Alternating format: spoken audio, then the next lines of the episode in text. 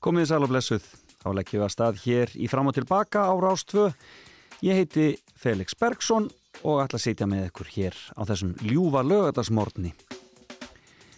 Já, við hefum mikinn þátt framöndan í dag. Mm, ætla að fá hér góðan gest til mín í fimmuna eftir smá stund. Það er engin annar en eh, Ólafur Stefensen sem hefur gengt ímsum störfum í gegnum tíðin og borið ímsa hatta en er eh, nú framkvæmda stjóri félags íslenskara atvinnureikenda en eh, hann allar einmitt að tala um þessa vinnustæði hér við okkur á eftir í fimmu sem að fjallarum einmitt það. Svo allar ég aðeins að ringja og eh, ég grafast fyrir um, um Sturluháttíð sem haldin er eh, eh, nú um helgina, eða í dag. Það freista þess að reyna að ná í Einar Kárasson hér á eftir. og svo ætlum ég að skoða það sem gerast á þessum ágættu degi 13. ágúst sem svona ykkur að segja er brúðkustagur fóreldra minna þannig að ég nota hér tækifærið og eh, óska þeim innilega til hafmyggjum með daginn e, en e, e, síðan bara ætlum ég að spila skemmtilega tónlist vera með ykkur og í þessum, á þessum góða degi veðrið er farið að leika við fólk á austurhelmingi landsins og er það vel en uh, það verist vera bara heið meinlausasta í ögnablikinu og ef þið eru á leiðinni sérstaklega að eldgósunni, ég veit að margir leggjast leið sína þanga á svona dögum. Uh, í Guðanabænum fariði varlega og hlýðiði uh, fyrir skipunum ef það er lokað, þá er lokað. Það er bara svo leis en byrjum þetta á bakalúti og svo förum við Ólafur Steffensen að spjalla. Hér er nýja lagi þeirra. Algjörlega brilljant lag frá bakalúti. Í mjög í anda já hvað heitar hann hérna? Weekend? Eh, og textin að sjálfsögðu eh, glott út í annað eins og bara ég valdi maður gerir manna best. Hér er ég komin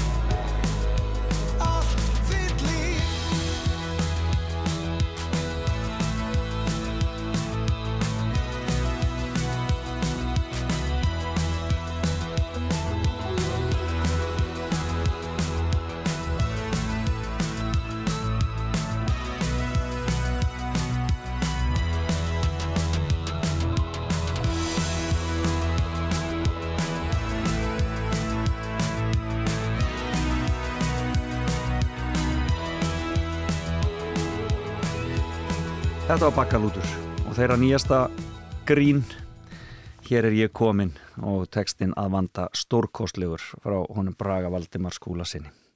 En e, það kom að næsta mála á dagskrá og það er fimmann og góður gestur komin hér til mín í hljóðver. Ólafur Stefensen, hjartanlega velkomin. Takk fyrir. Hvernig á ég að kynna þig núna? Framkvæmdastjóri... Framkvæmdastjóri félagsatunur. Já, þannig er, þetta, jú, það, það er, það er kynning, akkurat, svo þetta sé nú alveg rétt. e, ertu morgunmaður? Veistu, ég er orðin það. Já. Svona með aldrinum. Nú erum við fannir að tala þannig. Já, ég, Já. hérna... Sko, varstu, varstu frekar, varstu frekar Ég B-típa? var algjör B-típa. Vakti fram á nætur og var bestur á næturna. Sko. Já. Og þegar ég var hérna... Er það ekki svona ákveðin bladamannasjúkdómur að, að vaka?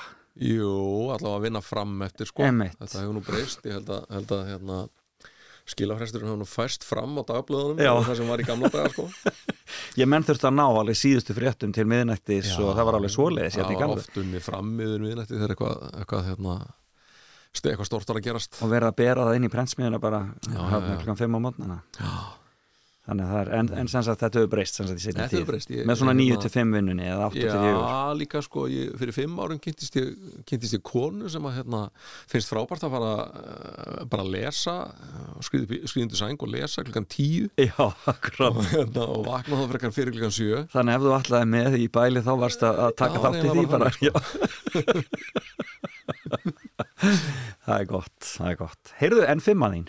Þú ætlar að tala um fimm vinnustæði Já, ég var og svona þú, þú hefur komið ansi víða við í gegnum tíðina. Já, uh, ekki eins víða á margur held ég Nei. Ég, ég áttaði mér að því þegar ég fór aðeins að hugsa um þetta Ég var Já. svo áðbáslega lengi á einum vinnustað Já, einmitt. að þeir eru kannski ekki óskaplega margir Nei, akkurat. En jú, maður er svo sem fengist við eitt, eitt og annað Byrjum bara þann fyrsta. Já, ég voru að nefna fyrst uh, sko, það var nú kannski ekki, ekki beinleins launu vinna en þegar ég er 11 ára þá uh, fæ ég að fara í sveit Já. hjá frændfólki mínu uh, á Sökku í Svarðadal Sökkvu. Sökku, Sökkvu. bærin heitir Sakka heitir Já. Stórri og mikill mýri fyrir neðan bæin, bæin. þetta er eina bæjarnafni af, þessu tæjalandi Nákvæmlega, einmitt, ekki eftir döður. Já.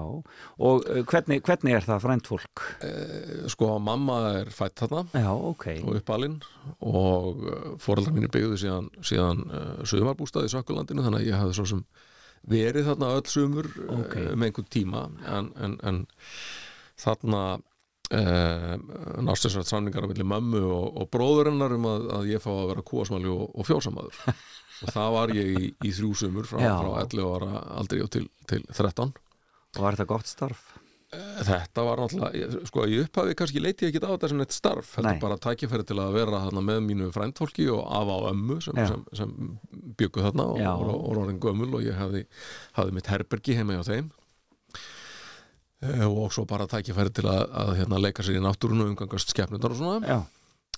en ég var þarna þetta með mín eh, svona förstu verkefni svo að, að hérna, sækja kýtnar á, á mótnana og koma þeim í fjósið og, og, og binda og, og hérna, vera alltaf aðstöðar í, í fjósi og, og fara svo aftur með kýtnar niður í, haga og Já. þegar því var lokið þá þurfti að verka fjósið og Já, þetta, þetta ferli var svo endur tekið síðdegis Já, þetta er heilmikil vinna. og það var þetta með að verka fjósið sko hérna uh, mér fannst þetta bara skemmtilegt sko. Uh, hérna, mikið lagt upp úr snirtimennsku og þetta væri vel gert. Já. og ég var að gaufa og dunda við þetta eh, kannski 2-3 klukkutíma. Bara svona eitthvað að raula fyrir munni mér og klappa kálvánum og, og hérna. Endar með því að, að frændi minn sem býð þetta miklu myndar búi í dag Gunnsteinn sem var þá hvað, svona 18-19 ára kemur til mín og segir veistu, ég get bara ekki hort upp að þetta er alveg hræðilegt gauf og þú munt aldrei læra að vinna nokkurt verk Já, með þessu móti. Nei, þetta á að taka 20 mínútur Já. ekki þrjá klukkutíma. Einsettið nú bara að gera þetta á 20 mínútum Já. Hætt að klappa kálfunum. það kom náttúrulega í ljós á nokkrum dögum að það var ekkert mál að gera þetta á 20 mínútum Já, nákvæmlega. þetta var afskaplega lærdómsríkt Já. og ég hef oft hugsað um það síðan já, þarna lærðist manni að, já, vera svolítið röskur ætla verkinu einhvern tiltekinn tíma og klára það á þeim tíma Nákvæmlega. og til dæmis í, í bladamennskunni sem ég vann nú setna við í, í uh, vel á þriðja áratug þá var þetta alltaf bara algjört Nákvæmlega. þannig að þarna lærðis mér nú hérna eitt og annað fyrir, fyrir lífstíð. Fyrir utan það náttúrulega bara að, að vera þarna innan um uh, þetta frændfólk mitt. Ég kem að sjálfsögða ennþá norður uh, á hverju sumri. Uh, sýsti mín tók við, tók við bústanum sem að, sem að fóröldrar okkar byggðu fyrir, Ok, fyrir 60 árum. Já, ég kem alltaf í heimsókn og dáist alltaf ja, mikið að því sko að þessum óskaplega dugnaði og útsjónarsemi sem að þarf til að reka gott bú. Nákvæmlega Nákvæmlega, það er meirin að segja Já, aldrei maður þarf að kunna, kunna allt mögulegt sko, maður þarf að, að, að hérna, kunna allt í rekstri og maður þarf að, að kunna á, á, á uh, ræktun og, og hérna uh, gera við vélar sjálfur og, og, og hérna starf bóndans er, er hérna er afskaplega víðtækt og, og ég ber mikla verðingu fyrir því. Hvernig taka þeir í sveitinni svona í ljósi þess að þú búin að kannski að svolítið að vera að ræða um innflutning og annað slíkt á, á kjöti og annað já, slíkt. já, við erum ekki endilega sammálum það sko, en, en, en ég get leiðrétt hér þann miskilning að ég hafi eitthvað hotn í síðu sveitana eða landbúnaðar eins að bænda. Hafandi verið, verið fjósamæður, ég ætla að segja. ég ber þvert á móti mikla tilfinningar til Íslands landbúnaðar. En ég er kannski ekki endilega sammála öllum sem þar starfa en það hvernig eiga rekan eða hvað umgjörð, kannski frekar sko stjórnvöld eiga, búa. Akkurat, akkurat. Ég held að það séu gríðarleg vannýtt tækifæri í, landbúnaðanum Já, og í, í kannski þá samstarfi við aðra þjóðir þegar kemur að því og annað slíkt. Já, mikil óskup já, já. Þarna e, ertu ekki yngstur þennan sískina? Jú, algjört örverfi Já, Sistur mína voru, voru 11 og 13 árum eh, eldri en ég. Já, og þess vegna hafði ég nú líka svona gott að ég fara í sveitina sko, að ég var nú ekki þjakaður af, af skildum eða, eða verkefnum heima fyrir það voru margir sem voru til í að hlaupundir já, já. undir bakka með Óla litla og læriði afskaplega mikið þessu Já, frábært. Hvernig, en, en afaðin og amma, voru þau orðin, þú sagður þegar þau voru hann öldruð þegar þú varst þarna? Já, já, Í sveitinni. voru, voru bæði fætt á, á seint á 19. öldinni Já, akkurat. og hérna ég lærði náttúrulega óskaplega mikið af, af uh, samneitinu við þau Já, þau voru hérna eh, bæði býstna vel mentuð sko af, af eh, sveitafólki sem fæðist í lok 19. aldar að vera og í miklu sambandi svona við þjóðmenningu og náttúru og, og hérna að við kendi manni nöfnin á blómunum þegar við gengum um, um hagan og, og það var farið með kvæði og, Já, og vísur og vitnaði, vitnaði í Íslandingasögur og þú kannski maður eftir því að því að við vorum saman í bekkjarn einu sinni sko að þegar ég kom suður á haustin eftir fjö, kannski fjögra mánuða dvöl í Svarfaðardal þá talaði ég náttúrulega bara svo gamalt maður úr Svarfaðardal hann grjót harða norðlensku og já. sagði og lagði og, og kallaði menn góurinn og svona Já, akkurat. Auðvitað, þetta, það, það, það tileirir, svo sannarlega. Já, snildin einn. Þarna, e, og en hvað héttu afiðun og amma? Rósa og Gunnlaugur Já, og, og byggu þarna á sökku. Já já, amma, amma fætt þarna þetta var sem sagt um, og afi, afi eh, þegar þau giftast þá, þá kemur afi og tekur við búi með henni þannig Svarfaðadalinn er náttúrulega fegustur íslenskra dal, þú tekur undir það eða það ekki? Já, bara, það er bara staðurind sem, að- sem að er sett fram í landafræðibók. það, er ekki- það skoðun Það er ekki skoðun, það er staðarind. Látum það líka með til hluta og skellum okkur í næsta jobb. Hvað var, hver var næsti vinnustöður Já, sem þú vilt minnast á?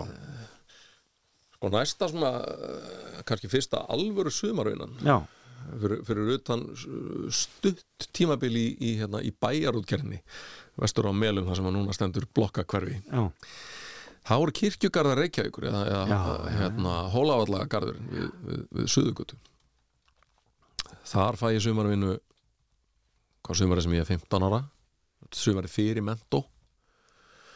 Og hérna var eini strákurinn í hópi 17 stelpna já, já, já. og það náttúrulega voru kannski ennþá daldið annarlegar hugmyndir í gangi um, um sko ræktun og annað slíkt og, og, og svona vinnu. já, um, um bara kynhlutverkin Já, sko. akkurat. það þurfti að hafa eitt strák þarna til þess að sko gera þetta erfiða skilur hérna, taka grafir og, og akkurat. þó að sumar þeirra væru þau var stelpnana voru öruglega hérna, meira líkanspurðum heldur en ég sko. Nákvæmlega, nákvæmlega. En varstu samt í því á að, að, að, að taka grafir og annars Já, meðal annars, Já. ég maður var alltaf bara í öllu sem þarna þurfti að gera hérna, reyta illgressi og planta blómum og, en svona, jú, ef það var það þurfti að hérna, taka gröf, þá fór maður í það. En notaður tækifæri og kynntir garðin eitthvað eða Já, þá sem að það lág Já, og svo leiðis það er nú eiginlega kannski einna eftirminnilega sem maður lærði þarna eitt og annað. Já, í fyrsta lagi kannski svona hérna, þetta var ekki alveg eins og hver annar vinnustæður við vorum auðvitað unglingar, þetta kannski 15 til 18-19 ára og Mhm. það gæti mikið gengið á og fólk var að fýblast og skemmta sér og svona eins og, eins og gengur en, en um leið áttaði maður sig á því að þetta var svona mm, þetta aldrei heilagur staður sko. Já. og fólk sem var að koma í garðin var gæti verið í alls konar hugar ástæði þannig að hérna Og það þurfti að á sýna því að- virðingu já, það þurfti þá. að sína því virðingu og, og, og, og svona hafa aðgátt í nær- nærveru sálar Já. þannig að það var nú eitt en svo náttúrulega uh, vakti bara þessi saga sem maður gæti lesið þarna út úr uh, leggsteinunum og krossunum aðtegli mína að hérna uh, annur grafnir náttúrulega reykvikingar alveg frá því um miðja 19. öld eða fyrir miðja, miðja 19. öld Mhm. Og hérna maður staldraði stundu kannski við og hugsaði hérna já hérna, hér er hér er, hér er kona grafin með uh, fimm börnum sem komast ekki á legg. Já. eða hér er, já, heill sískina hópur Akkurat uh, sko uh, hvað segja, norðvestur hotnið á garðinum er uh, fullt af gröfum sem eru teknar bara með nokkura daga eða vikna millibili í spænsku ekkinni Já, það er í norðvesturhóttinu, já já Sérst þarna eiginlega við þjóðabóklöðina þá er þar Eh, Já, við, við, við, við, við hóla torkið Já, akkurat já, já. Og hérna Já, við hólatorkið já. já. Svo var náttúrulega hana alls konar einhverjir merkis og andansmenn sko Já.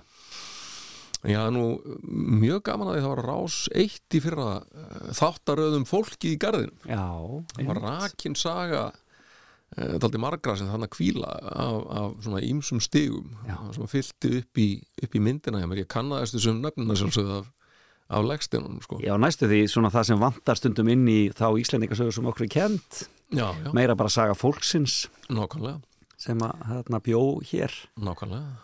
Og hérna, svo er það náttúrulega bara eindislegu staður og, og hérna e, í setni hluta hádegispásunar þá klifraði maður stundum upp í það sem er í dag 90 ára gamalt Evrópulerki Já, og eitthvað voldu ást að treði í Reykjavík og lagði sig upp í toppnum það sem enginn sá enginn sá til Já, nákvæmlega. Já. Nú, núna er því miður búið að saga neðstu greinar af þessu tré Já, það er ekki hægt að klifra Það er þarna. hæfileika til að, að klifra upp í það En þú, e, þú býrði í Vesturbænum að þessum tíma, þú bjóst ekkert alltaf í Vesturbænum að það Nei, sko ég fættur á Söðakróki Já, var, var pappiðin þá prestur þar? eða Já. Já. og, og hérna uh, við flytjum í bæinn þegar ég var þryggjara og uh, fólk neytast stundum að trúa því en ég man mjög vel eftir mér á króknum. Já, og hérna og mannst svona vel aftur einhvern bara, bara mamma brigður á það að ég myndi svona vel eftir mér og ég sagði, heyrðu, förum bara yfir það hverjum ég man eftir úr bæjarlífinu. Og svo bara, byrjaði ég bara að telja upp náttúrulega, það var náttúrulega postmestara hjónin og kaupfélagstjóra hjónin og, og, og læknishjónin og dýralækninin og, Já, og Lóa sem var með lömpin í garðinum og Mangi sem að kerði mig í hjólpörum og Dutti kaupmaður og svona held ég áfram. Og þetta voru ekkert allt bara einhverja myndir úr mynda Nei, nei, nei, nei, nei, nei. þá kallar ég var komin upp í svona 50 og mamma sagði, já, ég trúi þér, og hérna Já. ég, ég á bara, já, bísna bísna margar og skýrar minningar frá króknum Og hvert farið þið svo? og var hinn versti þegar við fluttum suður. Já, já, ég, hérna, ég man vel eftir því þegar, þegar flutningamennir tóku ískápin okkar já. og fóru að halda honum út í flutningabílinn sem kerið til Reykjavíkur þá, þá þyknaði mjög í mér já, að þetta taka matina á okkur. Já, akkurat.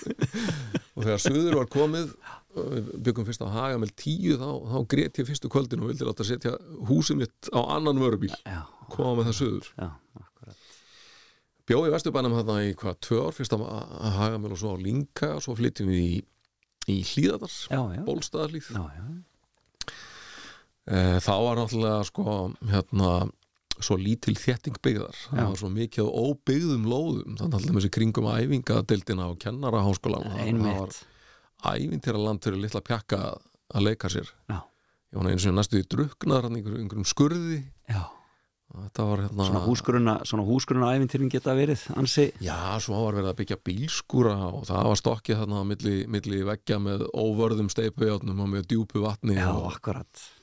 og hérna vinnu eftirlítið væri löngumætt í dag. Já, já, akkurat. Setta okkur hjálm og passa almennilega upp á okkur. Já, já, það er eins og það er. Heyrðu, en hver er, hver er þriði vinnustæðari? Hver þriði vinnustæðurinn er, er hérna morgunblæð Það er morgunblæði og það er staðurinn það sem þú varst svo lengi. vann ég lengst. Ég, hérna, það var nú svo svo skondið nefnilega að hérna ég kom fyrst þangað í starfskynningu í nýjöndavekk þegar ég er 14 ára. Mm þá á ljósmyndadeildina því að ég var með, með ljósmyndadellu Einmitt og hérna hafður þú jafnvel hug á því að leggja það fyrir þig, ljósmyndun eða svoleiðis eða? Nei, aldrei beiningis ég veit nú alltaf meira á það Sem já. áhugamál. Já. og, og það hefur svona alltaf fyllt mér síðan. En hérna en það var lært og síkt. Þarna voru, voru uh, miklu snillingar maður sá þarna aðeins til, til fólk sem svo raksa sko. Annars var Ólafur K. Magnússon sem tók okkur þetta tvo félaga úr, úr hagaskóla undir sinn vendarvæng Já, og tók já. okkur með sér í röldum bæin og gaf okkur ábendingar um myndefni og myndbyggingu og skoðaði myndindar okkar þegar það búið að framkalla og, og gaf okkur komment og, og Dásanlegt gaf sér tíma í þetta, það var alveg, alveg frábært. Já, akkurat en síðan ætlaði ég nú að verða svo margt annað sko, mig, eh, sko þegar ég er unglingur þá, þá hérna, hafði ég óskaplega mikið áhuga á pólitík sem ég hef svo sem að þá mm -hmm. og nú jafnvel veltaði fyrir mig bara að leggja það fyrir mig sko, vera þingmaður eða eitthvað álíka. og ætlaði kannski í lögfræði til að undirbúa það Til að tryggja það nú, já Akkurat. Eh, og hafði líka aðra hugmyndir mér datt líka að verða kannski verkfræðingur eða arkitekt eða eitthvað. Svo er ég einu svona í bíltúr með stóru sýstu minni henni Ellu, Norri Svaradal og ég man bara nákvæmlega mér að hvar við vorum stödd uh, hérna á veginum þegar hún segir við sko er þetta ekki allt saman eitthvað óttalegt rugl, þú átt svo gott með að skrifa, akkur prófar ekki að vera blaðamaður? Já, og ég tók hann á orðinu og það hjálpaði hann kannski til að sömur kunningja mínir höfðu uh, fengið uh, svona aflýsingastörf Já. á mokkanum. Þannig að ég sækjum á mokkanum og fór í hérna próf sem var það lagt fyrir, fyrir sumarmenn og er kannski enn og, og, og, hérna fekk starf. Byrjaði þess að blaðinu tveimur dögum fyrir 19 ára amæli mitt. Og býtu eftir þá útskrifaður með stúdinspróf á þeim Já, tíma já. já, þú ert orðin, stúdent þarna. Alveg hérna alveg blöytur á baku eirun og, og botna stundum ekkit í því í dag að sko krakkar sem var ekki orðin tvítur hafi verið treyst til til að skrifa í blöð Og hvað varst það? Ég menna, varst það að skrifa harðar fréttir bara? ég, já, já, ég, um ég, byrjaði, ég byrjaði á Erlendu dildinni og ég man hver fyrsta fréttin var sem ég skrifaði mokkan hún, hún byrtist einmitt á, á 19 ára amælstæði minn og, og var um hérna kappsiglingu eftir mynda vikingaskipa Já, á, á hróvarskeldu fyrir því. Já, ok. En svo var ég bara í Erlendu fréttunum þetta sumar og, og, og hérna skrifaði, já, já, bara alls konar erlendar fréttir ég, Já. man, ég var að skrifa kostningar á Spán og í Portugal og átöki íhaldsfloknum í Bretlandi Og er þetta þá Reuter sem þið fáið eða hvernig, hvernig já, já, fáið þetta, þið? þetta var, það var Reuterinn og, og hérna þá sko þá svona sérstakt uh, telex herbergi á, á morgunblæðinu þar Já. sem komu, komu fréttir frá AP á telexinu Já. Reuter var komið með sérstakann prentara sem að, sem að guppaði út úr sér löngum strimli af, af fréttaskeitum Einmitt. Og maður var gætna settur í það á morgunvaktinni að, að uh, taka það sem hafi rúlast upp á gólfið um nóttina, rífa það niður með reglustykku Já, og flokka og, og, og útbýta síðan til kollegana á elendildinni uh, til að skrifa yfir, yfir, daginn. Þetta er gríðarlega handavinna og mikil, mikil vinna. þetta voru, þetta voru það var ekkert, ekkert internet og, og hérna ekkert rugl í gangi. Svo, svo, svo var mokkin áskrifandi að ábyggilega svona 40 erlendum blöðum sem Já. voru geimt í, í, í kompu. Þau komu kannski þetta fjögra, fimm daga gömul. Nákvæmlega. Og voru skri- skrifaðar upp úr þeim uh, fréttir frá því komandi löndun sem var kannski aðeins verið að slá í sko. Já. en hérna En þó það, það var Já, þó já. verið að reyna að fylgjast með því sem var Já, að já, gerast út í mokkin laði gríðarlega áherslu á erlendra fréttir að þessum árum, það var alltaf tvær opnur inn í blaði. Já, það var alltaf, hann var fórsíðan, fórsíðan var Já, hérna já. og baksíðan var það innlendu, það var alltaf áhugavert. En hérna, En uh, hvað, hérstu bara áfram þar eða? Hvernig var Já, svo sko uh, um haustið þá hérna uh, býst mér að, að uh, fá starf sem framkvæmtastjóri sambandsungra sjálfstæðina Já, í, í Valhöll. Já, og tók því fagnandi þetta hafði ég svo mikið áhuga á pólitík. Og nú vantaði það ekki að það var, það var frábært samstarfsfólk í, í, í Valhöll og að mörguleiti gaman. En sko að starfa hjá stjórnmálaflokki það bara kom í ljós að það átti engan við mig. Þetta var, sviðið var svo þröngt og hérna einhvern veginn svo, svo margt sem ekki mátti tala um eða segja að uh, bara snemma um vori þá kem ég skrýðandi aftur til styrmis Gunnarssonar, Gunnarssonar heitins og Já. Rístöru Morgunblassins og, og baðum vinnu aftur sem ég fekk og í það skipti á, á innlendudeldinni og þar var ég síðan meir og minna uh, næstu tja, tíu árin Já. Já. En, það, en þú hefur aldrei þá farið í e, farið í lengra námi eða svoleiðis eða það var aldrei staðið til En hvað fórstu ég- lærið þér? Ég, hérna, ég læri stjórnmálafræði í, í Háskóla Íslands og fór svo setna í, í mastersnám í, í hérna, alþjóðarsamskiptum í, Ok, í London já, já, já. Þannig að þú tókst þetta svona og þá bara með starfinu semst á mokkanum já, vann, vann svona kannski halva til heila vinnu með þessu meir og minna. Nákvæmlega. Var eh, ka- kannski minna þegar ég var í London ég var, var þar í, í svona einhverju fréttarittar hlutverki Já. en hérna en nei nei, það, það var Tíð upp úr sönn. sól, sólarhingurinn var mjög pakkaður Já. þegar maður var í háskóla. Það var hérna e, það, var, það var mogginn og, og það var námið og svo var maður líka náttúrulega eh, starfandi í hérna, heimdallu og sús og einhverjum svona alþjóðlegum íhaldssamtökum og Já, akkurat þannig.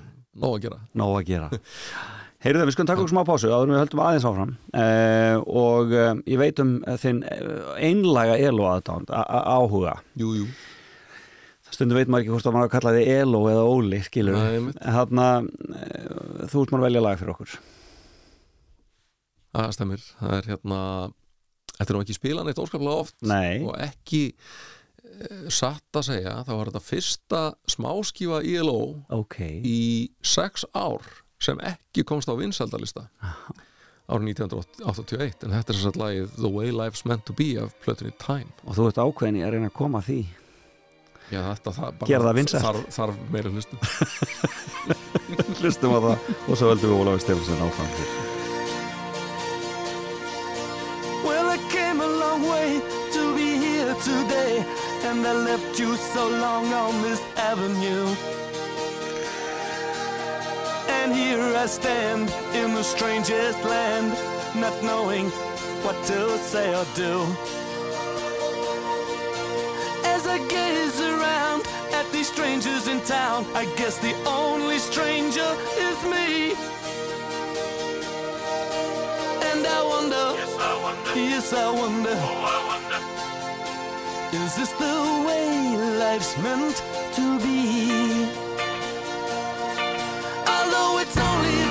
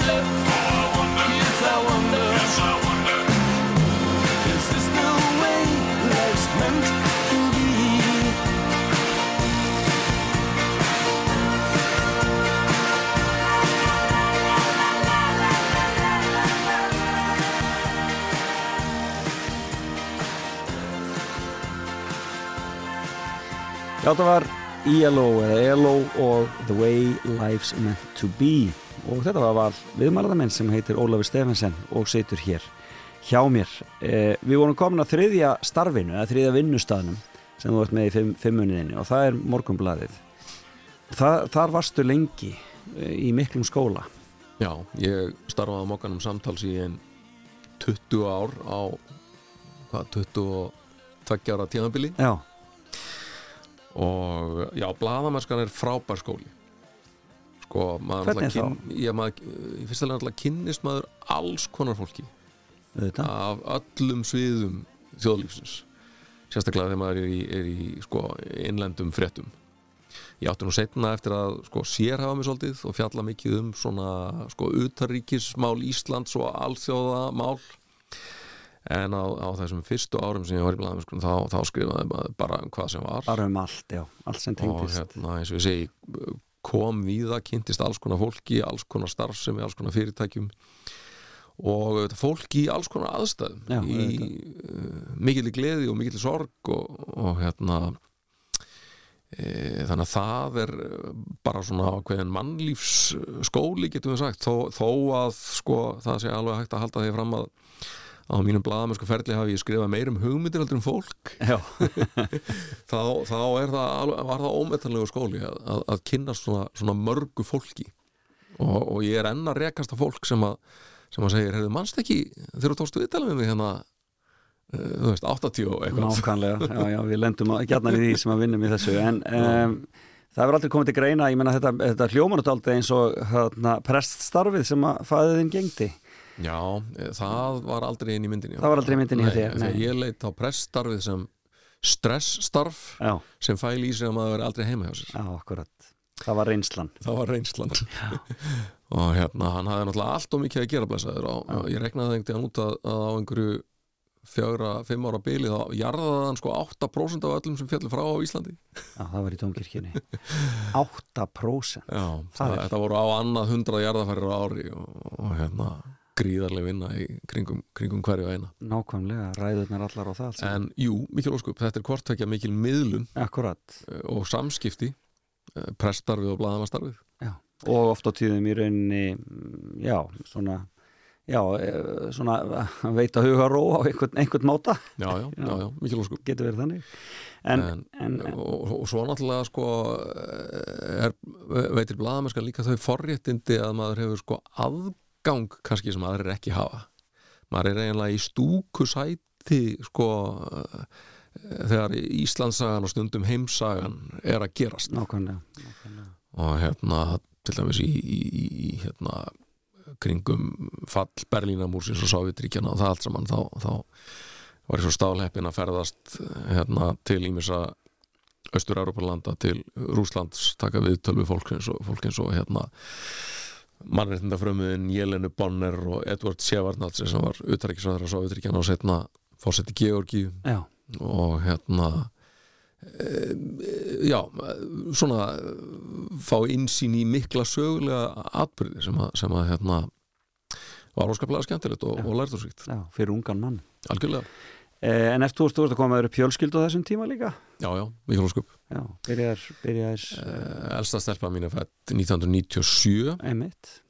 Og hérna, ég man að það kom nú á yfirmenn mín á, á morgunblæðinu þegar ég kom til þeirra og sagði hérna e, þessir 100 til 150 yfirvinni tímar á mánuði það gengur eiginlega lengur. Nei, nú verðum við að skipta um gýr 100 til 150 yfirvinnutímar.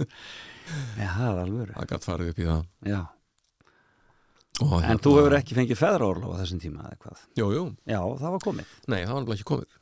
Þú fórst að berjast fyrir. En hérna, já, það sko á þessum tíma uh, stóð í kjarasamningi blaðamannafélagsins við útgefundur að blaða konur fengið þryggja mánuða launað fæðingarolof en uh, pappatin fengur sem sagt ekki neitt og eftir að hafa rifist álítið við, við formann og framkvæmtastöru blaðamannafélagsins um þau mannréttindabrót sem í þessari klausu fælust Nákvæmlega. með engum árangri þá fór ég til Styrmis og Mattiasar og sagðist vilja að fá fæðingarlof og þeir eru daldið hissa og sagðist ekki að hafa fengið þessa spurningu áður. Já, spjalluðu við, við Hallgrím Geirsson sem var það framkvæmtastöru árvakus og þeir í saminningu suðu þeir saman frábæra löst sem var að ég mátti fekk að flýta þryggja mánuða orlofinu mínu, námsleifinu já, sem ég átti samkvæmt kjærasamningi blaðamannafélagsins og leggja það saman við sumarfrí. Og náði þannig að, að hérna, vera heima með, með elstu dóttur mín í fjóra mánuði. Frábært. Þegar næsta dóttir kom hún, Marta 2001 þá var ég búin að vera í kallanandi afbreytisraðs nokkuð lengi, þar meðal formaður og við höfum lagt fram tillögur að uh, breyttu fyrirkomulagi fæðingarólofs þetta var fjórir á, á handa pappanum, fjórir handa mömmunni og fjórir sem fólk getur skipta milli sín. Akkurat og eru greitt eh, hérna 80% af fullum launum upp að tilteknu þakki og vorum satt að segja bara alltaf hissa þegar að, að hérna e, Ríkistjón Davíðs Ottssonar tók þessar tillögur upp á sína arma og, og lögfestið þær lítið breyttar. Já, þar að að það var nýju mánuðir eh, skipting upp á þrjá, þrjá, Þrjá, þrjá, já, og, og tekjutengingum verið sér ekki þak til að byrja með. Já, þetta var, þetta var algjör bylting.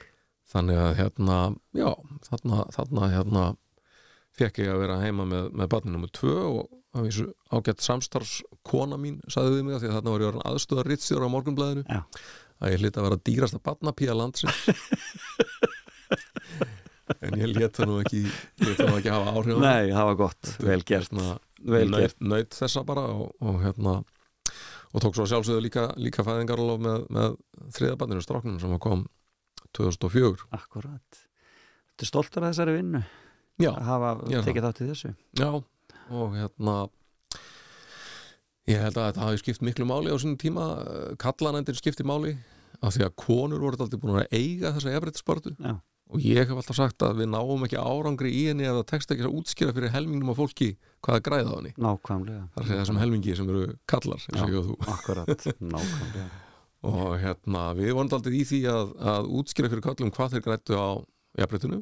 Meðalans þetta að fá tíma með börnunum sínum og uh, það er síðan eitthvað sem ég ekki sé eftir að því að, að hérna, Já, það ég held að það ekki sé ég, ég held að það geti engin hugsað þá hugsun til enda ef við fengjum það ekki nei, nákvæmlega. í dag. Það er algjörlega ómöttalegt Heyrðu, fjórða jobb þetta þetta nú flýgur þetta áfram hjá okkur. Já, tíminn alveg Já. eins og sko. 98 er mér búið að, að hérna, færa mig og sett Já. og gerast uh, talsmaður landsímans Já, Þetta voru nú miklar sálar kvalir hjá mér mér þótti svo væntum mokkan og fannst ég alla geta hættar.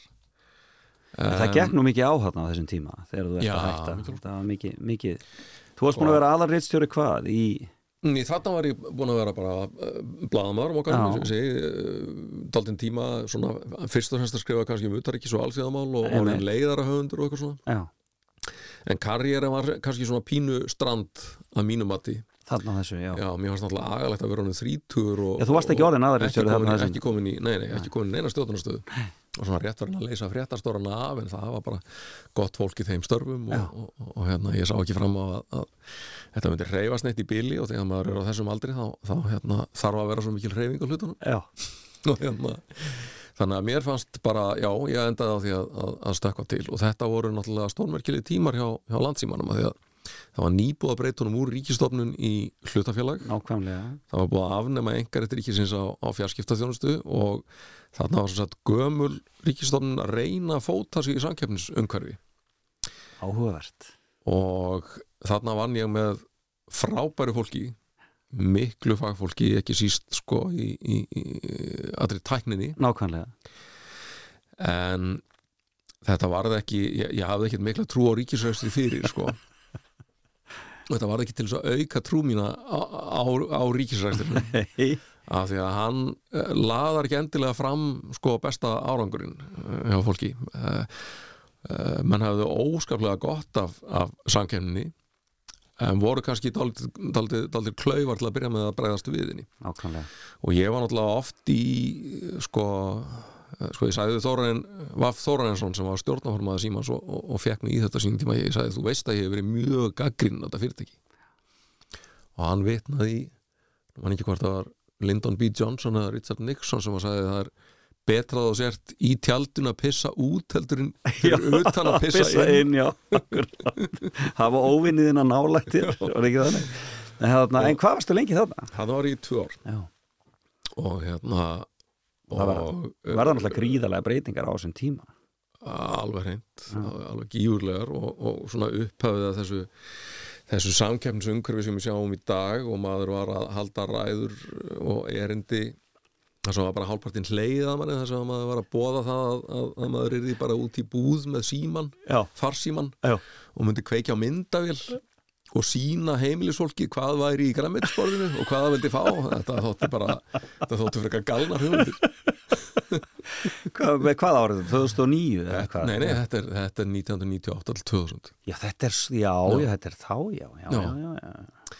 Þannig hérna Þetta er svo snemma þá, þá var reyndar sko þá voru að sína myndir af alls konar svona prototípum af fram, fa- farsímum framtíðarnar og Apple var ekki búið að fatta upp á snertiskjánum þannig að þetta voru allt saman með alveg opáslega mörgum tökkum og mun fyrirferða meiri heldur en það, heldur en það sem við erum með í, í vasanum í dag. Já. En þannig svona var þetta að byrja, byrja að gerast þessi, Nokia símanir og Blueberry og allt þetta, þetta Black, Blackberry, Blackberry já, já, þetta hétt þetta var þetta að byrja að raungerast og, og, og hérna fólk að byrja að átta sig á því hverjir möguleikar þessar tækni væru og að, að það yrði í rauninni hægt að vera með internet í vasanum eins og við erum í, erum í dag. Já, þannig að þetta, þetta var líka uh, náttúrulega mikill skóli og uh, ég hef nú sko þannig að annarkvæm maður sem hefur í blaðamennsku orðin upplýsingafulltrú í dag. Já, þarna fannst mér þetta að vera rétt gert hvað það varðaði að, að hérna, maður var sett út aldrei hátt upp í skipuritið hefði beint út í fórstjóran sata alla stjórnar og framkvæmtastjórnafundi og var Já. fyrir, vikið inn í öllu. Og þetta þýtti líka það að maður gatt sko þrátt fyrir ungan aldur eins og ég segi, ég var þrítugur haft talsvert áhrif, áhrif á það sem var að gerast í fyrirtækinu. Mhm, af því að oft sagði ég bara sko ég get ekkert varið þetta út í frá sem er hér í gangi. Já. það verður að breyta þessu. Ég treysti mér bara ekki til að tala fyrir þessu eða útskýra þetta. Og, hérna, og það var gætan tekið mark á því. Já, áhugavert. Það er nú ekki alls það gert. Ekki alls það Nei. En þú fórst aftur á mokkan já, svo þegar Mattias Jóhannesson hættir í áslokk 2000 þá verður mikil uppstokkun í, í hérna, skipuritinu á, á mokkanum og, og mér er búið að koma aftur og vera þá, þá aðstofaristjóri Já. og hérna þá er reynda farin að vinna á samtökum aðfylgjísins Ok. Ég, ég vann þar í átta vikur held ég, í Garðastættinu. Áður nú dettur aftur inn á mokkan og en fannst ég ekki geta sleppt þessu tækifæri, var á mokkanum í hvað? Nýjári viðbútt Já, uh, fyrst sem aðstöðaristjóri og svo, svo uh, reyndar eitt ár var ég rítstjóri í blað sem hétt 24 stundir. Já, fríblað sem kefti við fréttablaði á tíðanbili einmitt, ég man eftir því. Og svo, svo aðalreikstjóri mokkans í, í, í hérna haldana ár. Já, einmitt. E, Fymta starfið, hvað er það Já, síðast? það er bara starfið sem ég er í núna. Það er bara svo leiðis það er að, vera framkvæmtastjóri félags atvinnureikenda Já, og hérna þetta er líka búin að vera mikill skóli og lærðarsvíkt uh, sko uppistaðan í uh, félagi atvinnureikenda eru svona lítil og meðalstór fyrirtæki Já. mjög gætnan fjölskyldu fyrirtæki ég var einmitt að koma úr heimsókn í morgun í, í, í aðalda fyrirtæki sem var sko stopnað 1909 og búið að vera í eigu sömu fjölskylduna síðan. Hvað fjórða, fjórða kynslu að taka við það eru Mikkelsin úrsmiðir Já, einmitt stopnað í, í mínum fæðingabæ Söðakróki 1909 Þetta er nú svona, þetta er nú svona vagga íhalsins á Íslandi að vera í félagi já, atvinnurreik það má alveg, alveg, má alveg halda því fram. Þetta hétt nú lengi félagi íslenskar Stórkofmanna, akkurat já. sem var kannski undir lokin orðið hérna uh, dálítið rangnefni. Já. af því eins og ég segi, uppistæðan í félaginu er lítil og meðalstór fjölskyldufyrirtæki. Já, akkurat. Ég er búin að vera að fara í þessar heimsóknir með hérna eh, með iPhone-in minn Já. núna í að verða eitt og halvt ár að búa til uh, lítinn þátt á Instagram og Facebook sem heitir félagsmaður vikunar Já, já, já.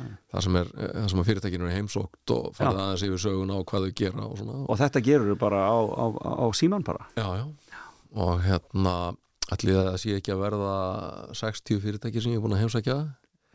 Ég held ég sé búin að tala við nýju framkvæmtastöra sem eiga ekki fyrirtæki sitt sjálfur En skemmtilegt og þetta eru fjölskyldu fyrirtæki e, sko ímyndin af atvinnurekandanum er gætnan að þetta sé hérna svona miðaldra uh, kall eða kona í jakkafötum eða drakt á einhverjum kontor Já, akkurat. E, það er ekki þannig. Eh, ég held að yfirgnafandi meirluti atvinnureikenda á Íslandi sé, það eru auðvitað þessi litlu og meðalstóra fyrir, fyrirtæki sem við fólk hefur byggt upp hörðum höndum og er bara hérna á bólnum, á gólfinu með sínu fólki. Að ganga í verkin. Þa, það, þannig upplýði ég að mista kosti þessi fyrirtæki og, og, og hérna e, fólk sem svona, já, deilir kjörum með sínum, sínum starfsmannundaldið e, og, og hérna e, hefur gætan alist upp á fyrirtækisgólfinu þekkir stundum valla að taka sér frí og hérna er ástæðan fyrir því að við öll hinn erum meina sko höfum atvinnu og tekjur? Þetta er En þú, þér líður vel að vinna þarna. Já, þetta er óskaplega skemmtilegt. Já. og hérna Á vel við þig. Uh, já, þetta er náttúrulega snýst eh, eins og mörg störf sem ég hef verið í um, mikið um miðlun. Já. maður er mikið að, að hérna í samskiptum við fjálmilana svona halda hagsmannamálum þessara fyrirtækja og málstað á, á, lofti í samskiptum við pólitíkina, alþingi og ráðunetinu svo framvegis að, að hérna benda það sem að mætti betur fara í, í lögum og reglugerðum og eftirliti og, og, og öðru slíku. Og síðan, já bara að, að, að hérna kynna svo lítið þannig ánga atvinnulífsins og, og, og segja sögur af þessum fyrirtækjum, það, það er líka mjög skemmtilegt. Það var samrætt. En þú, ég veit, tíminn er alveg hlaupin frá okkur en ég veit að þú ert líka aðeins farin að sinna áhuga málunum meira svona í setjum tíð. Jú, jú. Þú ert í þínu setna hjónabandi er það ekki, Já, eða sambandi, ekki- ekki já, já. hjónabandi en þó kannski? Sambúð. Sambúð, já, en þarna eh, en ég veit að þið eru mjög duglega bæði í göngum og svona Já, já, já. íþróttum öðrum Já, slíkum. Já, við erum svo stálheppin við kona mín, Ragnhildur Ragnarsdóttir að eiga mikið á sameiginlegum áhugamálum Já.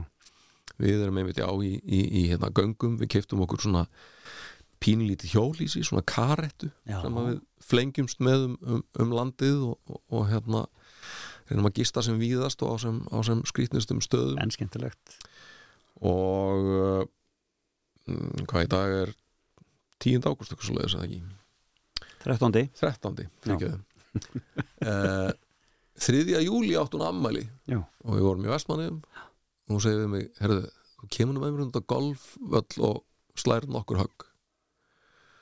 Og ég segi svona "Uh, fyrst á þetta ammæli, Já, þetta er bolti bolta íþróttur er ekki við mig.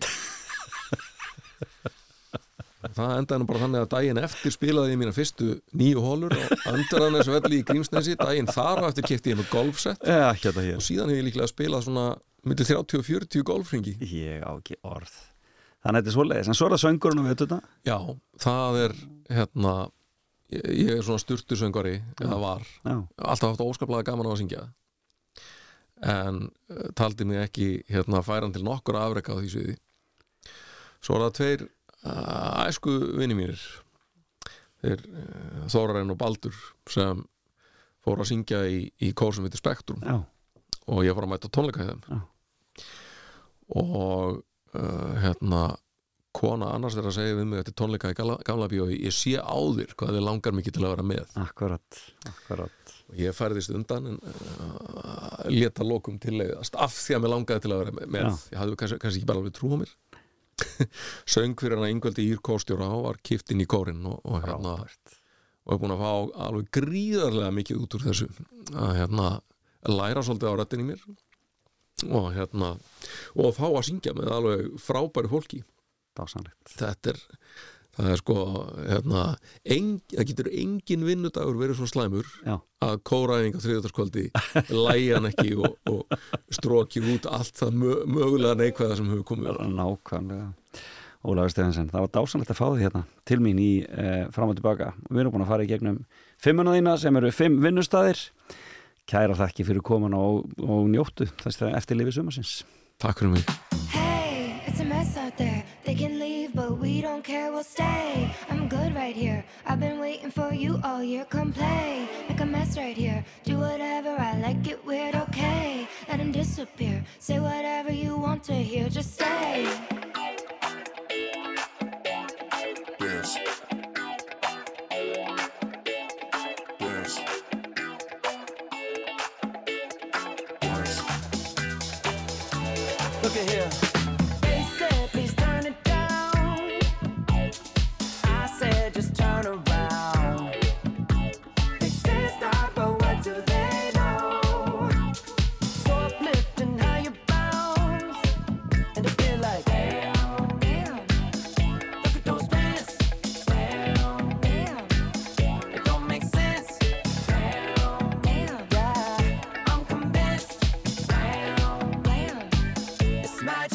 one, but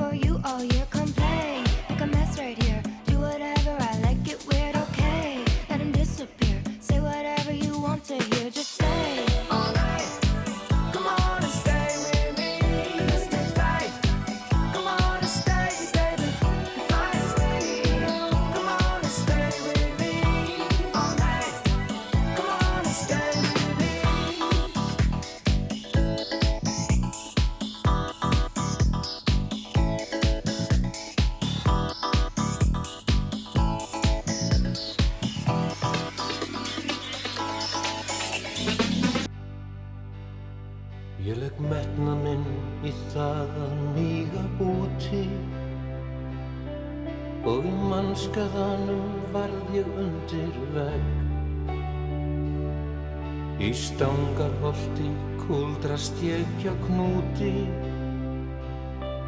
og Kristínu sem spælir okkur enn.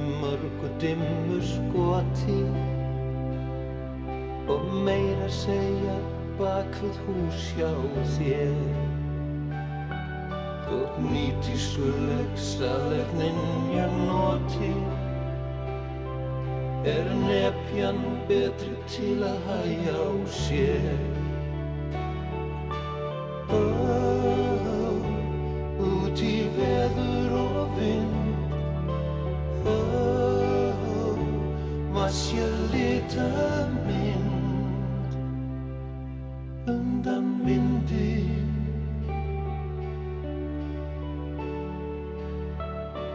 Afi kendi mér sem ungum pilti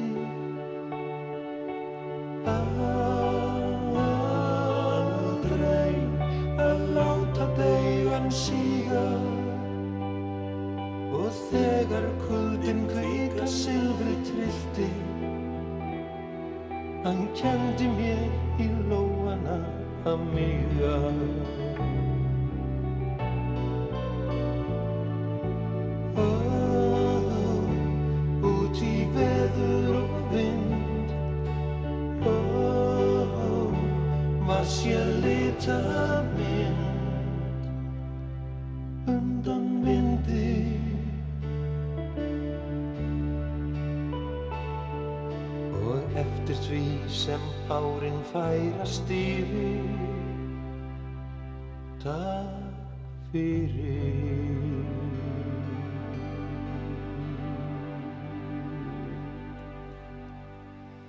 Komið sæl aftur, þá höldum við áfram í fram og tilbaka og e, það var Valgir Guðjónsson sem hóf hér leikja okkur á þessum tímanum.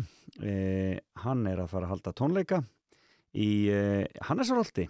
E, það er núna í kvöld, lögadaginn 13. ágúst og e, tónleikarnir verða sem sagt, þeir kallast Saga Músika með Valgeiri í Hannesarholti og það er svona sagna og tónlistabálkur sem að e, Valgeiri þarf að flytja og e, með góðu fólki og það verður áhugavert að áhugavert að fara þangað og veit að margir munu leggja leiði sína þangað e, sem eru minnskusti í höfuborginni en þetta er nú svona síðustu við erum svona síðustu helgarnar sem fólk er á ferðinni svona í sumarfríin út á landi en en e, e, og út um allt. Margir náttúrulega í sumarfrí í Reykjavík og þá er einmitt tilvalið að kíkja í Hannesarholt.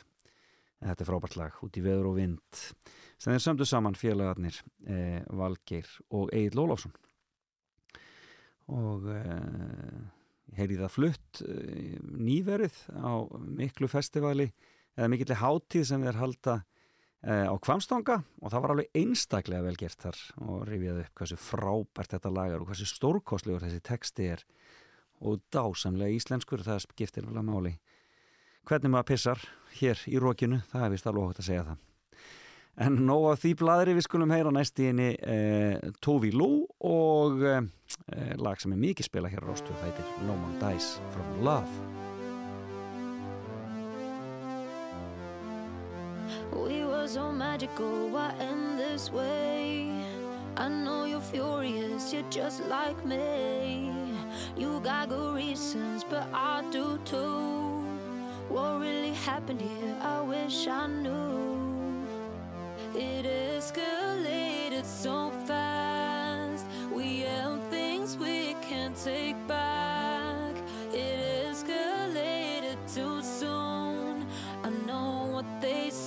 I know that they say that no one dies from love. Guess I'll be the first.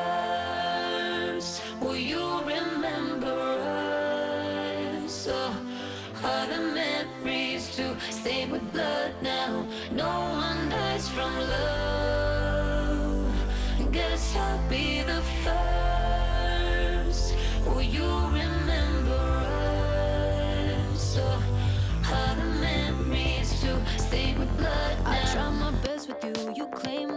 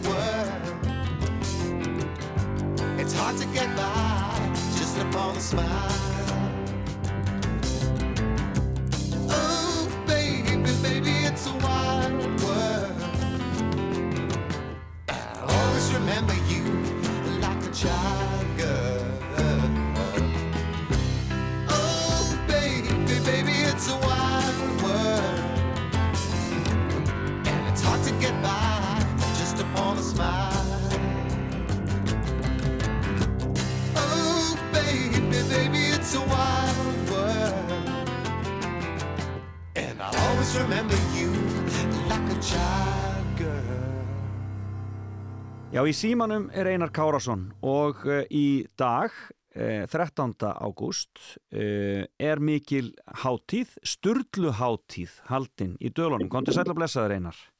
Blessaður, blessaður félags.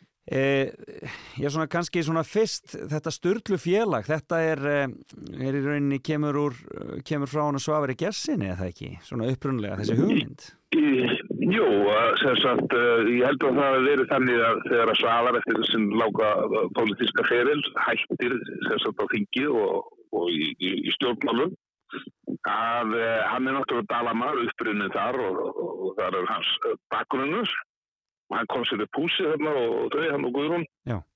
og ég held að hann hafi hugsað með sér að því að hann var alltaf fullur af starfsorku uh, ennþá Já. að uh, hann myndi einbeita sér að svona þjóðþrifa verkum fyrir hér ræðu, ekki síst svona í menningarefnum Já, og rast, rast fljótt á það að, að uh, þarna hafði náttúrulega búið einna merkustu rítöfundum íslenska bókmyndasögu Sturla Þórðarsson í, í dölunum, hann var það bæðið þar, þaðan uppbrunnin og hafði búið þar lengst af já, einmitt. á, á staðarhóli í, í, í dölum Já. og unni þar að þessum fræðu bókum sem að hann setti saman. Hvar er, er staðarhóll?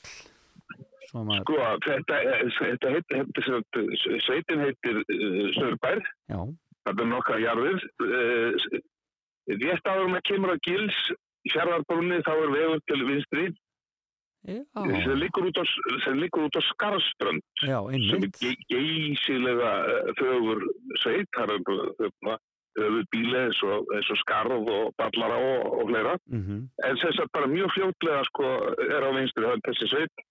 Sörbær og þar var þetta mikla höfuból staðarhóll. Já, já, akkurat. Maður þekki sko staðar fell þarna í rauninni hinum Já, það er, það er hýrum megin sko, það, það heitir. Fellströnd. Já, það er á fellströndinni, akkurat. akkurat. Já, og svo, svo er hægt að taka mjög fallega þing þarna, það geir annarkort út úr fellströndinu og tilbaka skálströndinu eða hann, Geysilega fallegt. og hann hefur náttúrulega tekið þig með í þetta mannin sem ást múin að kanna þessa, þessa, þessa borgara styrjöld í bókunum þínum.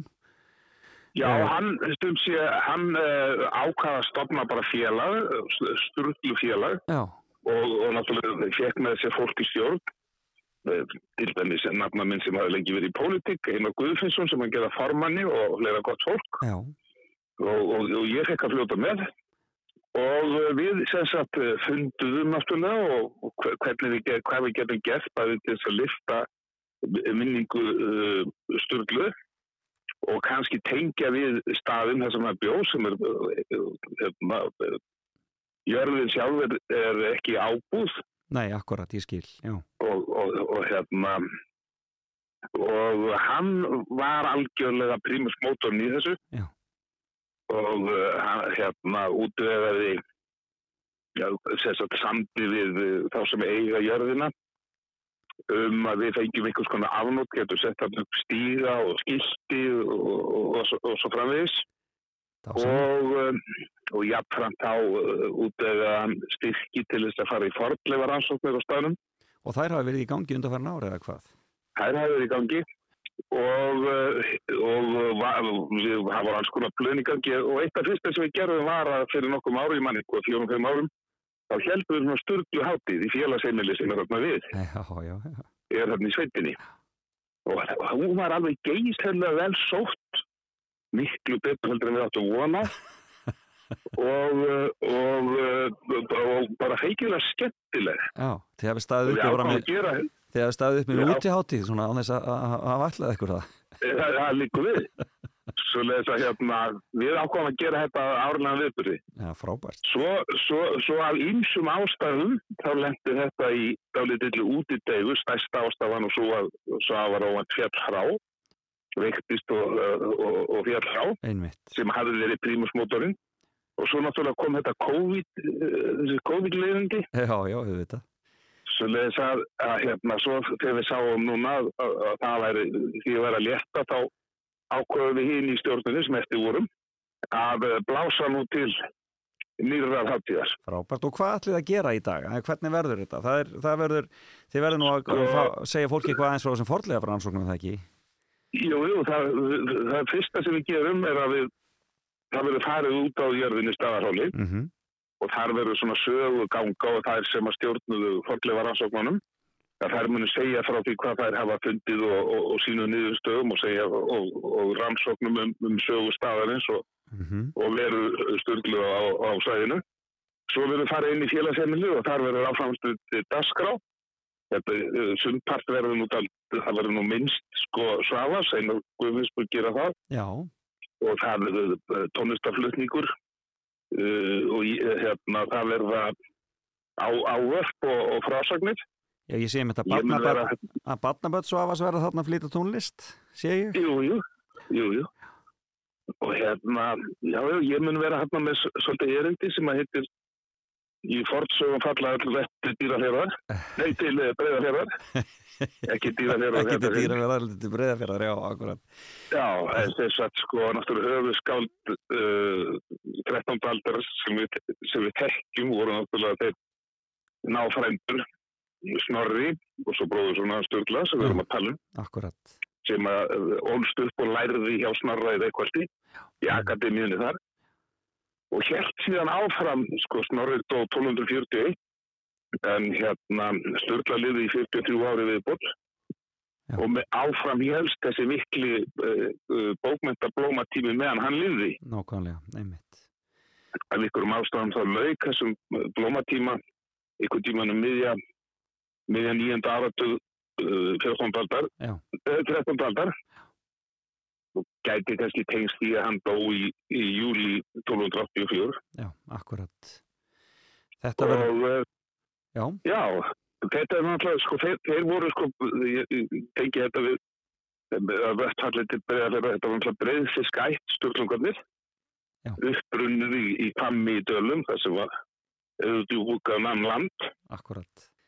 og, uh, og eftir því sem að skoða þetta, ég svona skotið því inn að ég var fengið til þess af, uh, af, af forlæginu mínu og, og höfundi ljósmyndabókar að skrifa uh, kapla fyrir ljósmyndabók sem kemur út í haust Já, um uh, uh, tengsl uh, landslutana við já. Það voru þetta skipt í Vesturland og Norðurland og svo framvegs og þá blasti þess að við manni hvað Vesturland er yfir gnæfandi Já, í, í bæði stærstu sögunum sem gerast þar Já. og reyndar sögunum sem gerast annar staðar. já, einmitt. Og allt er þetta forfeður og, og, uh, og vensla fólk stöðlungana. Meiri sé að njála, gerist, gerist það einhverju leita á Vesturlandi eða ekki? Já, bara eftir fyrstu greinaskil þá segir líkur nú sögun í breyðarferðardali og kemur þetta persónu galleri Já, akkurat. úr, úr, úr lagstælu og vel að merkja eh, einn litri kasta persónan Njálu Hallgir og Lóngbrók og náttúrulega sýstir Ólaf Pá Höskuldssonar föður sýstir Kjartans Ólafssonar sem leðis að og, sko, svo er þarna Eirbyggja og, og Egil sagði að þetta er allt sko sama er, akkurat. og svo er hérna Gíslasaga og, og, og Gunnlausaga Ormstungur allt er þetta sama fólki Já, og meiri sé í, í Grettisögu og Fósbrarasögu þá er, allt, er þetta sama personugalleri það kemur þetta sama fólk við, já. svo leðis að hérna svona það fyrir svona að blasa við manni að þetta sé aldrei mikið úr sömu deglunni. Og ég sé þá fyrir mér að sko þessar akademjur sem voru í Reykjóldi og setna á staðarhóli þar sem voru náttúrulega fleiri þeir. Já, frendur, Snorri og, og, og, og Sturla. Einmitt. Að, að þarna séu tengslinn menn hafa ímyndað sér að, að tengslinn séu vegna þess að menn hafi verið búin að lesa þessa bækur. Þessi höfundur sem að ykkurstað var hafi verið búin að lesa einhver aðra bók. En vel að merkja að það var engin bóka útgáfa þessum tíma, menn skrifur þetta uh, eitt akkurat. og þessu sem engar heimildir um það menn hafi verið byrjað að afrönda þetta þá. Nei, akkurat. ég held að það sé mikið frekar sko þetta er, er svona sam þetta er sem sagt sami sömu grúppurna, sama fjölskyldan, sami hópurinn sem er að vinna þessu Þetta er mjög áhugavert og ég vissum að það er fjöldi fólk sem að mun leggja leið sína til ykkar á styrluháttíð þið verða að vera undirbúinir undir það. Það verður, ég vona bara að þú eru ekki að bjóða út landir og, og, og, og, lögreglu, og lögreglu til þess að ha- hafa stjórn á línu. Við látum Björgunarsveitin að vita. Einar Kárásson, það var dásanlegt að heyri þér og gangi ykkur vel á styrluháttíð í dag. Allt í þinn takk. Já, kæra það ekki, bless.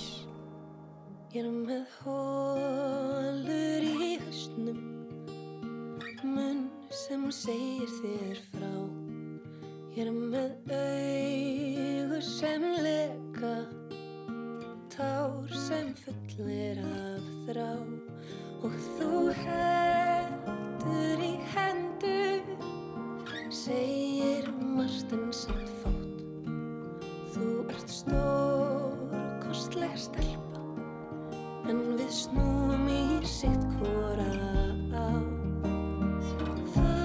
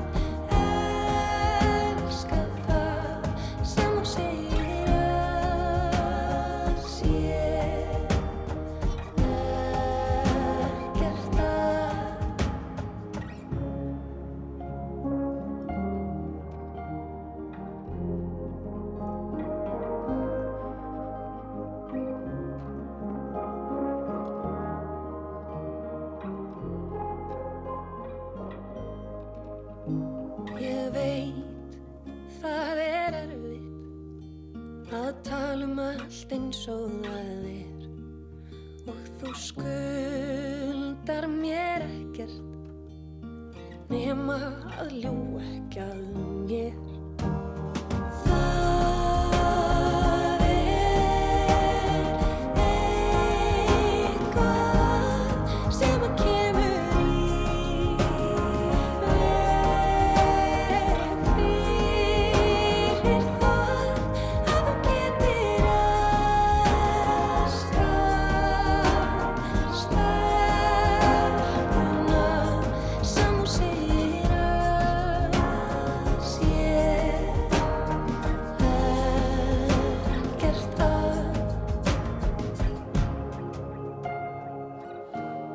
Þetta var Una Torfadóttir og lag frá henni sem heitir Ekkert að frábær listamöður þarna á ferðinu og hún verður eitt þeirra sem kemur fram á Sturlu hátíðinni í Tjarnarlundi. Það er það sem það heitir þetta félagsheimli sem hann einar var að tala um í viðtalinu áðan. Og svo verður farið að staðarhóli og forlega fræðingarnir Guðrún Alda Gísladóttir og Birna Lárusdóttir segja frá staðinum og staðháttum. Og um, já, ég held að þetta verður bara heilmikið gaman. Byrjar í dag klukkan e, 13 á staðarhóli og svo verður farið í Tjarnarlund og þar verður þetta tónlistafólk og Una verður ekki þarna því að einn því að Tumi Torfarsson bróðurinn verður þarna líka að spila. En þetta verður sem sagt í dölunum í dag. Every time we say goodbye, I die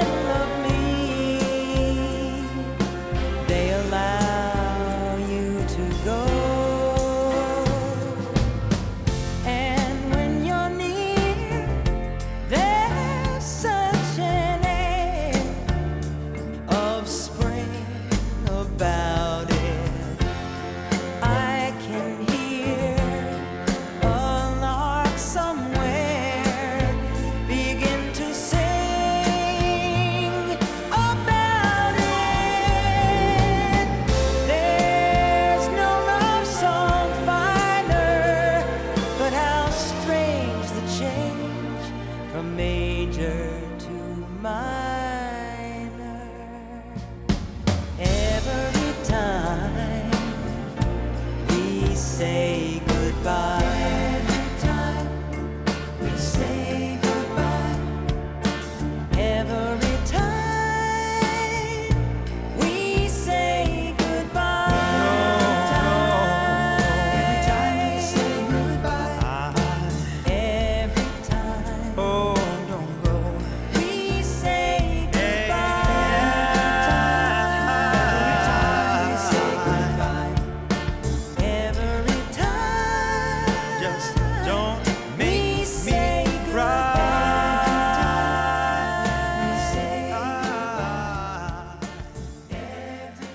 Komiði sæl aftur þá höldum við áfram. Í þættinu fram og tilbaka og uh, við hófum þennan hluta þáttarins á útgáfu Carly Simon og félaga af læginu Every, Every Time We Say Goodbye eftir Cole Porter. Uh, I Cry A Little er það víst. En það eru margir sem hafa reynd sig á þessu frábæra lægi Annie Lennox meðal annars og, og uh, Simply Red. En ég spilaði til tilumna því að ég fór á svo skemmtilega tónleikavíkun á, björ, á Björtuloftum. Jazz tónleika sem að uh, hljómsveitin hans Karls Olgessonar eða Karl Olgesson og hljómsveit heldur þar þar sem að þeir voru að fara og skoða tónlist uh, Cole Porter. Kalli elskar Cole held ég að tónleikarnir hefði heitið en hún sigga er hún kom hann líka við sögu, gerði dásamlega. Og þetta er náttúrulega svo ótrúlegur stapi af lögum sem þetta má finna En hér á eftir ætla ég aðeins að kíkja það sem gerast á þessum ágæta degi 13. ágúst en við skulum færa okkur aðeins meirinn í nútíðina og fáum nýja lagi frá Áskiri Trausta. Hér er eh, Snowblind.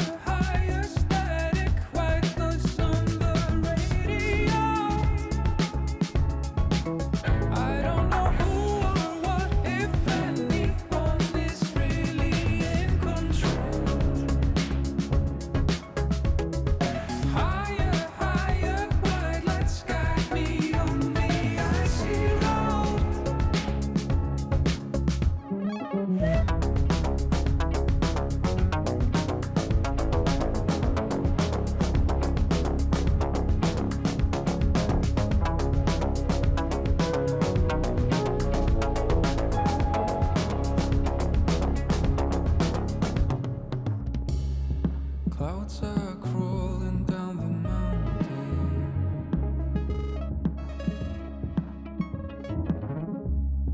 Can't see where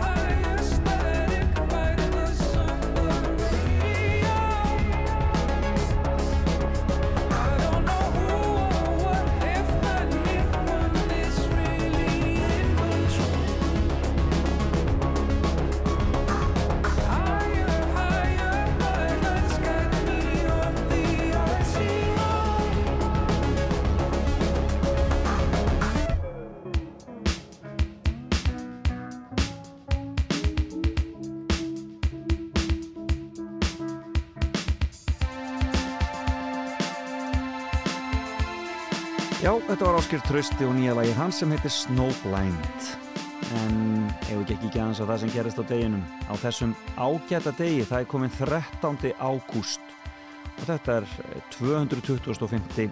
dagur ásins hvorki meirni minna Ég hafa nú svona ímislegt sem hefur gæst í gegnum tíðina e, á Seyðisfyrði árið 1900 var afhjúpaði minnisvarðum Otto Vatni en hann rak þar útgerð og verslunum langan aldur og var það ekki vatnisistur sem að hafa já, sem hafa síðan búið í Ameríku og verið að koma í veiði hérna við á við? Eitthvað hefur maður heyrt um þær ykkur um tíðina.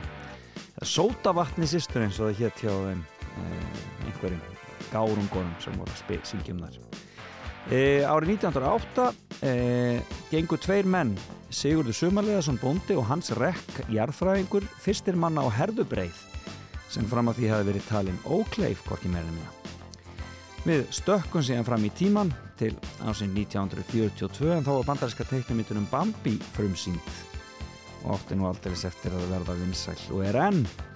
E, árið 1950 var haldin minningarhátti á þessum degi á hólum í Hjaltadal um Jón Arason Biskup og tvo síðan hans, Björn og Ara, fjórum öldum eftir að voru líflottin í skálhaldi og minnismerki var þar víkt en það er 27 metra hár klukkuturn sem fólk þekki nú.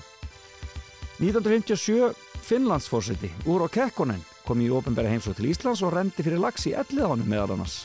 Já, já, 57 var það. Og e, árið 1960 Mið-Afríku lífveldi fekk sjálfstæði frá Fraklandi en árið 1961 var það korki meirinni minna en dagurinn í dag þar sem að bygging Berlínamúsins hófst.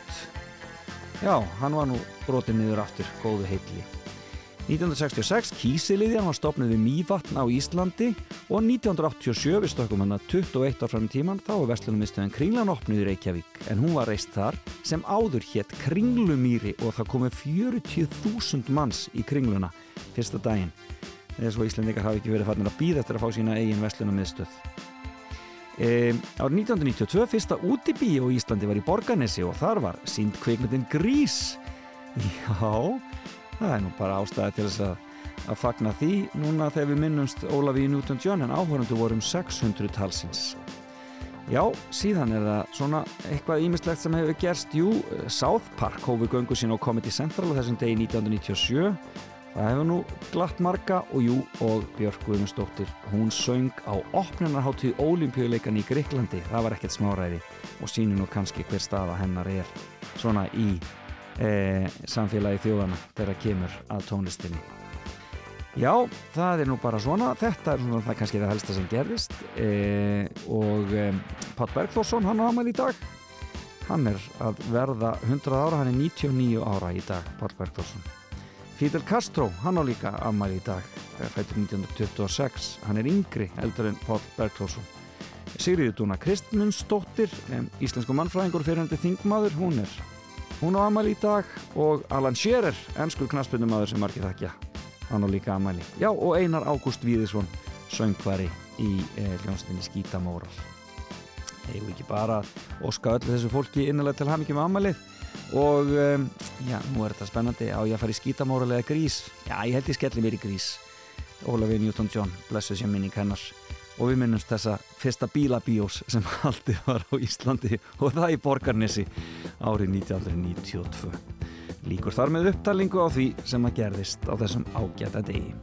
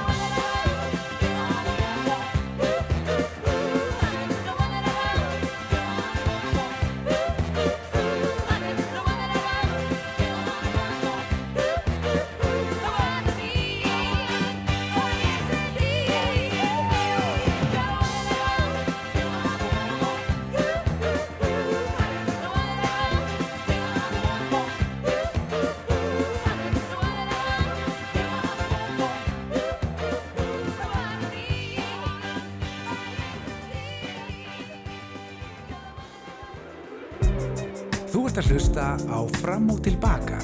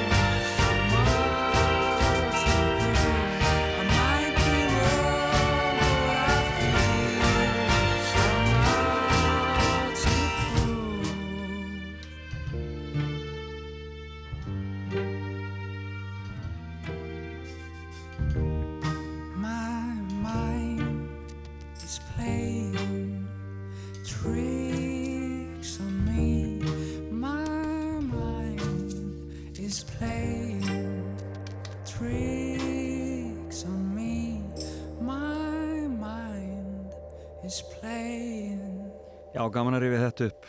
My Delusions og þetta var að sjálfsögðu Ampop sem var hérna á ferðinni. Gamalt svona og gott. Af nýjunni eða ekki? E, Þetta er að verða búið hjá mér í dag.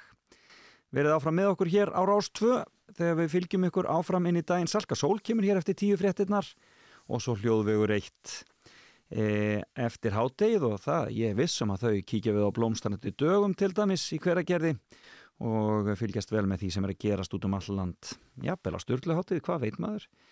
Um, e, tónlistin verður síðan á sínum stað Saga Rapsins og svo Partizón og Næturvakt, þetta er bara eins og þetta rekur sig alltaf hér hjá okkur e, á Rástöðu á laugartögum og hvað ég að benda ykkur á skemmtilegt í sjónvarpinu kvöld? Nú er það svona að verða aftur e, aftur e, frísklegra eftir sumarið ef ég ef má segja svo leiðis uh, fer að verða meira að gerast í sjónvarpinu en það er til dæmis ég teiknumind, talsætt teiknumind frá 2021 um Einbó Einbó uh, Spirit of the Amazon heitir þessi þessi teiknumind sem verður þarna fyrir fjölskyldurnar eftir fréttir í kvöld. En uh, þetta er að verða búið hjá mér. Fáum hérna nýja læði frá þeim Freyri Gjómar og Jekvan og jafnvel eitt gamalt og gott með Lordi. Ef að tími vinst til, annars bara heyrinstu eftir eftir viku, fram og tilbaka búið í dag. Og ég þakka viðmannandum mínum Einari Kára sinni og Ólefi Stefansen fyrir skemmtileg heiti Bless bless. Ég hef lengi af þér leitað Eina ástin mín. Innan lands og utan Þetta er sko ekkert grín. Bóði gull og græna skóa Geggjuð æfintýr Kadilag með blæju Og hinn ímsu gælu dýr Kanski finn ég ástina í búðardal Kanski detti lukkupottin í Fellir hún á fótum ég Draumandi sem neðum hér Í huga mínum verður alla tíð Kanski finn ég ástina í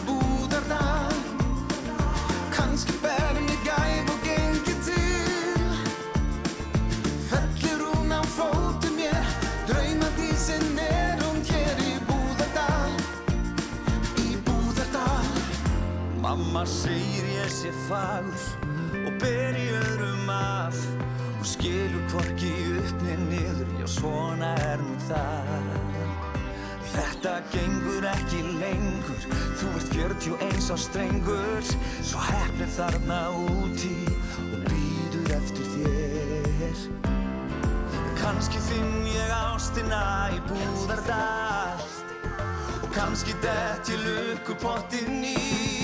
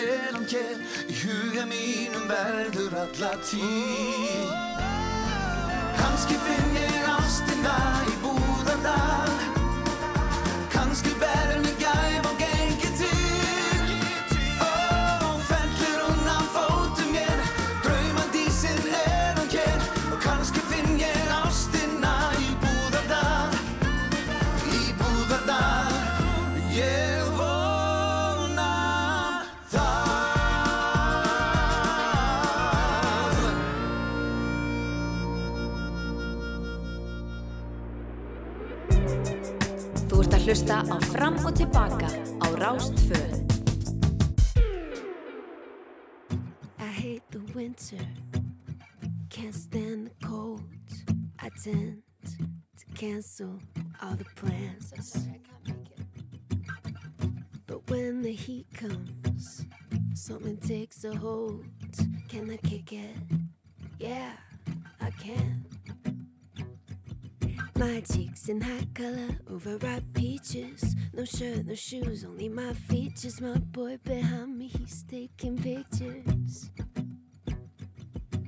Lead the boys and girls onto the beaches. Come on, come on, tell you my secrets. I'm kinda like a prettier Jesus. Forget all of the tears that you've cried, it's over.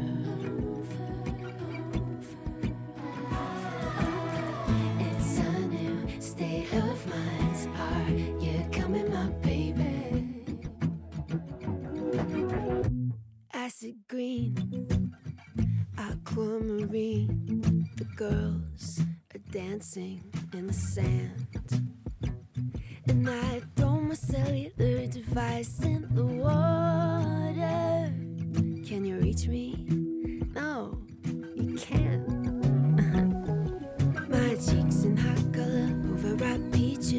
No shirt, no shoes, only my features. My boy behind me, he's taking pictures. He's taking pictures. Lead the boys and girls onto the beaches. Come on, come on, tell you my secrets. I'm kinda like a prettier Jesus. Turn it on in a new